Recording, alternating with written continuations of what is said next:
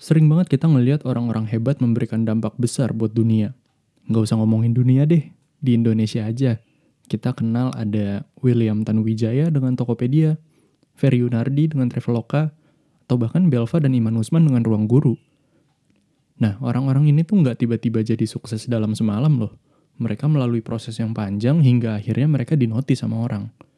Mungkin mereka punya background yang beda-beda dan menghasilkan hal yang beda-beda juga – tapi ada satu hal yang sama. Ada yang tahu apa? Ya, mereka memulai. Dan sama kayak episode ini dimulai, kita intro dulu guys.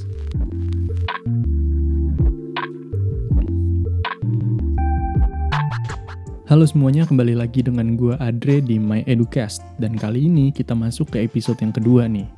Selama jeda satu minggu kemarin, gue menemukan banyak hal. Dan salah satunya, banyak orang-orang yang memulai hal baru nih Ayo, kemarin yang selama PSBB main Instagram doang, pasti pernah dong ngeliat di IG story temen kalian ada yang mulai masak, atau ada yang mulai ngegambar, nulis, segala macam.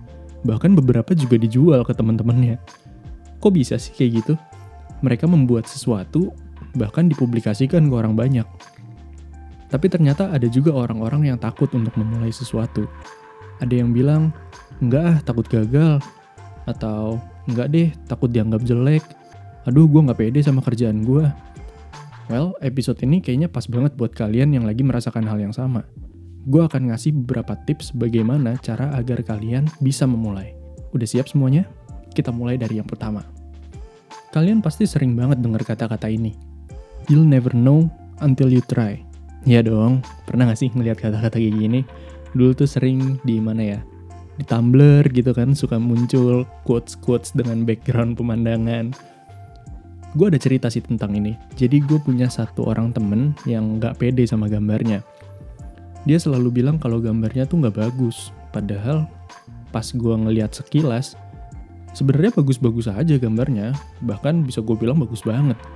Tapi dia gak pede untuk ngepublikasiin itu. Dia sibuk bikin konsep di kepalanya dia kayak, aduh gambar yang bagus tuh gimana ya? Kalau gue gambar begini bagus nggak ya? Duh, kayaknya gambar gue jelek deh. Nah, dia takut untuk nuangin pikirannya dia itu ke kertas. Padahal sebenarnya penilaian yang dia lakuin itu subjektif banget, karena datangnya dari diri sendiri. Sementara orang lain mungkin bisa menilai dengan lebih objektif atas karya yang dia buat. Kemudian gue ngobrol sama orang ini dan akhirnya dia memutuskan, oke okay, gue akan mempublikasikan gambar gue. Dan kalian tahu apa yang terjadi? Semua yang ada di pikiran dia itu salah ternyata. Karyanya dia itu ternyata bagus dan dinilai juga sama orang itu bagus. Bahkan beberapa orang juga ada yang udah kontak dia untuk minta tolong dibuatin gambar. Dan itu jadi titik balik dia untuk berkembang akhirannya. Sementara untuk tips yang kedua dari gua adalah take baby steps. Kita harus melangkah dari satu buah langkah kecil satu persatu, jadi jangan langsung ngambil langkah yang besar Emang sih ketika kalian sibuk mikirin hasilnya itu, kalian bisa terlena di situ. Kalian bisa mikir, misal kalian mau jadi penulis gitu kan. Terus kalian mikir, wah jadi penulis kayaknya seru nih, nanti kalau tulisan gue bagus bisa dipublish di sana sini. Gue di interview sana sini, kayaknya gue jadi orang terkenal deh. Iya nggak gitu dong cara pikirnya. Memang itu terlihat enak, tapi semua itu harus dimulai dari satu langkah kecil. Kalian pernah mikir gini gak sih? Gue punya ilustrasi deh jadinya. Kalian pada tahu Nadiem Makarim, ya, founder Gojek. Mungkin dulu dia pernah berpikir, kalau ojek bisa datang ke rumah kita untuk antar jemput cuma lewat aplikasi, mungkin enak kali ya. Simple banget hidup. Gue mau makan tinggal pencet. Mau pergi ke sana sini tinggal pencet. Mau beres-beres rumah bahkan tinggal pencet. Dengan bekal pemikiran tersebut, Akhirnya dia buat sebuah perusahaan jasa transportasi berbasis motor dengan sistem call center pada waktu itu. Iya, dulu tuh Gojek masih sistemnya telepon. Nggak bisa kayak sekarang. Tapi coba kalau kalian buka aplikasinya sekarang. Apa yang kalian lihat? Banyak banget pilihannya. Tapi ini semua nggak akan ada kalau waktu itu Nadiem Makarim nggak memulai sebuah langkah kecil.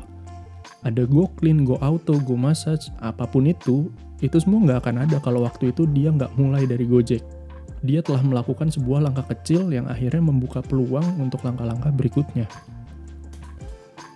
Untuk tips yang ketiga adalah embrace the unknown. Ya, hadapi sebuah ketidakpastian. Kalian pada nonton film Frozen gak sih? gue jadi inget film Frozen. Ada sebuah scene ketika Elsa nyanyi Into the Unknown. Ada yang inget? Jadi di situ dia ngedengar sebuah suara dari entah di mana yang ngegerakin hati dia untuk nyamperin si sumber suara itu. Akhirnya setelah lama mikir segala macem, dia memiliki keberanian untuk melangkah keluar ngejar si sumber suaranya. Ini menarik sih, menurut gue scene itu menggambarkan bahwa ada panggilan dari luar sana yang menginginkan lo keluar dari comfort zone lo. Membuat lo bergerak keluar dari comfort zone lo untuk berkembang. Dan kalau diceritanya pun kita bisa tahu apa yang terjadi gitu kan sama si Elsa. Dia menemukan banyak hal yang dia nggak tahu sebelumnya dan itu membuat dirinya berkembang. Nah ini bisa terjadi di dunia nyata. Kalian keluar dari comfort zone kalian, kalian jadikan itu sebuah peluang buat kalian berkembang dan pesan gue sebenarnya cuma satu.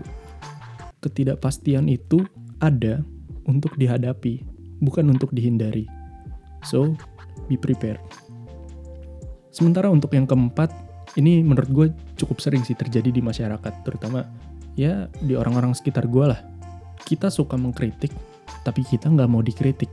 Mungkin ada yang berpikir kayak, loh emangnya kenapa kalau gue kritik? Semua orang kan berhak untuk mengkritik.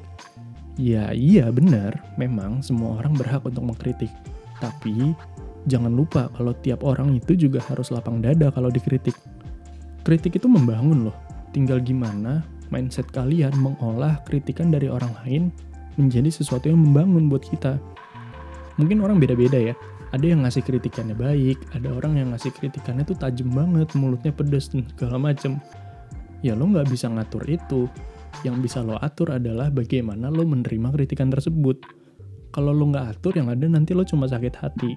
Percaya sama gue, setiap hal yang lo mulai pertama kali itu pasti hasilnya jelek. Pasti ada celah untuk dihujat, itu pasti ada. Tapi justru dengan kritikan orang-orang itu, lo jadi dibantu untuk melihat adanya celah di hal yang lo buat. Dan celah itu, lo ubah jadi sebuah peluang buat lo berkembang. Jadi di kemudian hari, karya yang lo buat itu udah nggak ada lagi celah-celah itu. Sampai akhirnya lo beneran dinotis sama orang. Dan kritikan itu akan turun perlahan-lahan. Dan tips terakhir dari gue adalah enjoy the process. Trust the process. Ini mungkin kalau kalian yang dengar ada fans NBA, Philadelphia 76ers mungkin ada yang tahu nih. Mereka identik banget dengan uh, slogan trust the process Percayalah kalian tuh akan berkembang dari prosesnya, bukan dari hasilnya. Kalian akan belajar banyak banget dari tiap proses yang kalian jalanin. Ada yang belajar jadi sabar, ada yang belajar time management, ada yang belajar uh, memprioritaskan sesuatu. Nah, itu akhirnya semuanya dikumpulin dan jadi pengalaman yang berharga buat kalian. Jadi, jangan buru-buru. Ingat bahwa usaha itu tidak akan mengkhianati hasil. So, enjoy, and trust the process. Itu tadi kurang lebih 5 tips yang bisa gue bagikan ke kalian. Gimana? Udah berani untuk mulai? Berani dong ya. Abis denger episode ini biasanya ada hal yang menggugah hati kalian untuk bergerak gitu. Tapi apa pun yang akan kalian mulai, percayalah selalu ada nilai yang akan bisa diambil. Gak ada sebuah usaha yang gak ada hasilnya. Terlepas dari itu hasilnya baik atau buruk, itu pasti ada pelajarannya. Sekarang tuh belajar bisa dari mana pun. Kalau dulu orang bilang belajar cuma bisa di sekolah dan segala macam. Sekarang sekolah yang datengin kalian. Kalian bisa belajar dari online learning loh jadi belajar di kelas-kelas online gitu kan sekarang kayak misalnya nih My EduSolve juga kan menyediakan kelas-kelas untuk kalian ambil, untuk kalian belajar. Jadi kalian nggak perlu nunggu PSBB ini kelar, kalian masuk sekolah lagi baru belajar, enggak. Di sini EduSolve juga menyediakan berbagai kelas yang bisa kalian ikuti dan juga pasti bermanfaat buat kalian. Jadi jika kalian merasa episode ini bermanfaat untuk kalian ataupun teman-teman kalian, kalian bisa save dan share juga ke teman-teman kalian. Dan jika kalian ingin mendengar episode lainnya, kalian bisa dengar di IGTV dan sekarang juga udah ada di Spotify dan juga Anchor. Jadi tinggal kalian datang ke Spotify, ke Anchor, kalian ketik My EduSolve, kalian pasti langsung ketemu deh. Dan jangan lupa untuk follow Instagram MyEduSolve di @myedusolve untuk info-info menarik lainnya. So, that's it for today and see you guys on the next episode.